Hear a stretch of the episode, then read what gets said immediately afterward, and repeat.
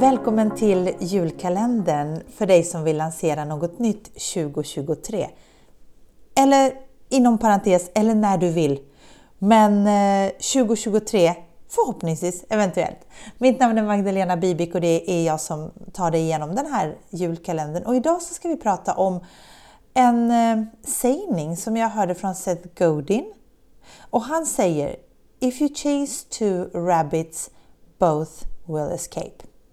Om du jagar två harar så kommer båda undan. Och låt oss då prata om målgrupp. För att många gånger så möter jag kunder och coachingklienter på Nyföretagarcentrum bland annat som gärna vill jobba med flera olika målgrupper.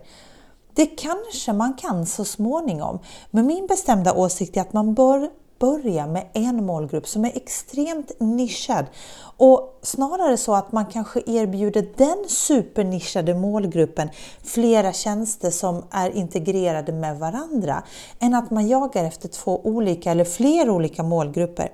För den kommunikationen som man behöver presentera till olika målgrupper skulle kunna skilja sig väsentligt mycket åt och då riskerar konceptet att bli spretigt. Så för rätt kund ska det vara kristallklart vad det är som du erbjuder.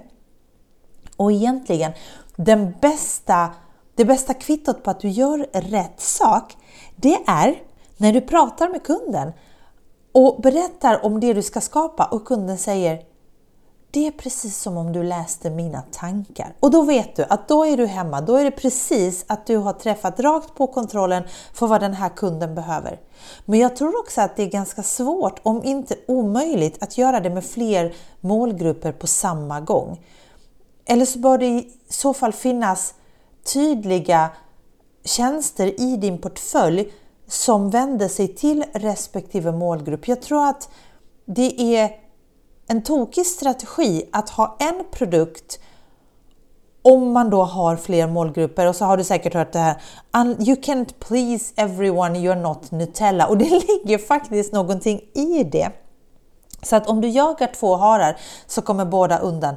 Ehm, det finns en annan aspekt där också, det är att allt tar ju tid och lägger du din tid på flera olika målgrupper så kanske den haren då, om vi fortsätter hålla oss till den metaforen, eh, springer undan och springer till en konkurrent till dig som bara fokuserar på den målgruppen. Den kanske, då kanske den haren fångas av den konkurrenten som inte har andra harar att jaga efter om du håller dig kvar i den här bilden.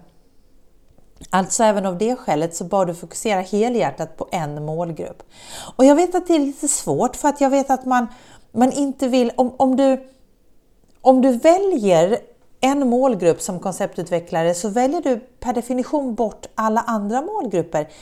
Och ja, jag fattar och det kanske du gör just nu. Det betyder inte att du gör det över tid. Det betyder inte att du gör det för alltid heller, utan det skulle ju kunna vara så att den målgruppen du väljer först, när den är bearbetad, när, när den är liksom ett självspelande piano, ja men då kan du ju välja en ny målgrupp att, att bearbeta och så vidare och så vidare. Så det är det jag brukar råda mina kunder som jag träffar live eller online. Och det är också det som jag tänkte att jag skulle råda dig med det här avsnittet.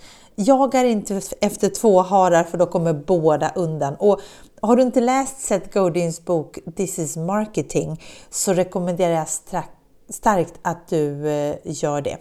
Och när det gäller målgrupp så har jag ju en mängd resurser, bland annat The Blueprint som är signaturkursen just nu där du får lära dig allt om din kund och kundbeteendet. Så att jag länkar till den givetvis i show notes så kan du kolla in den om du känner att det här är relevant för dig. Men kom ihåg, det är alltid en bättre strategi att hålla sig till en målgrupp.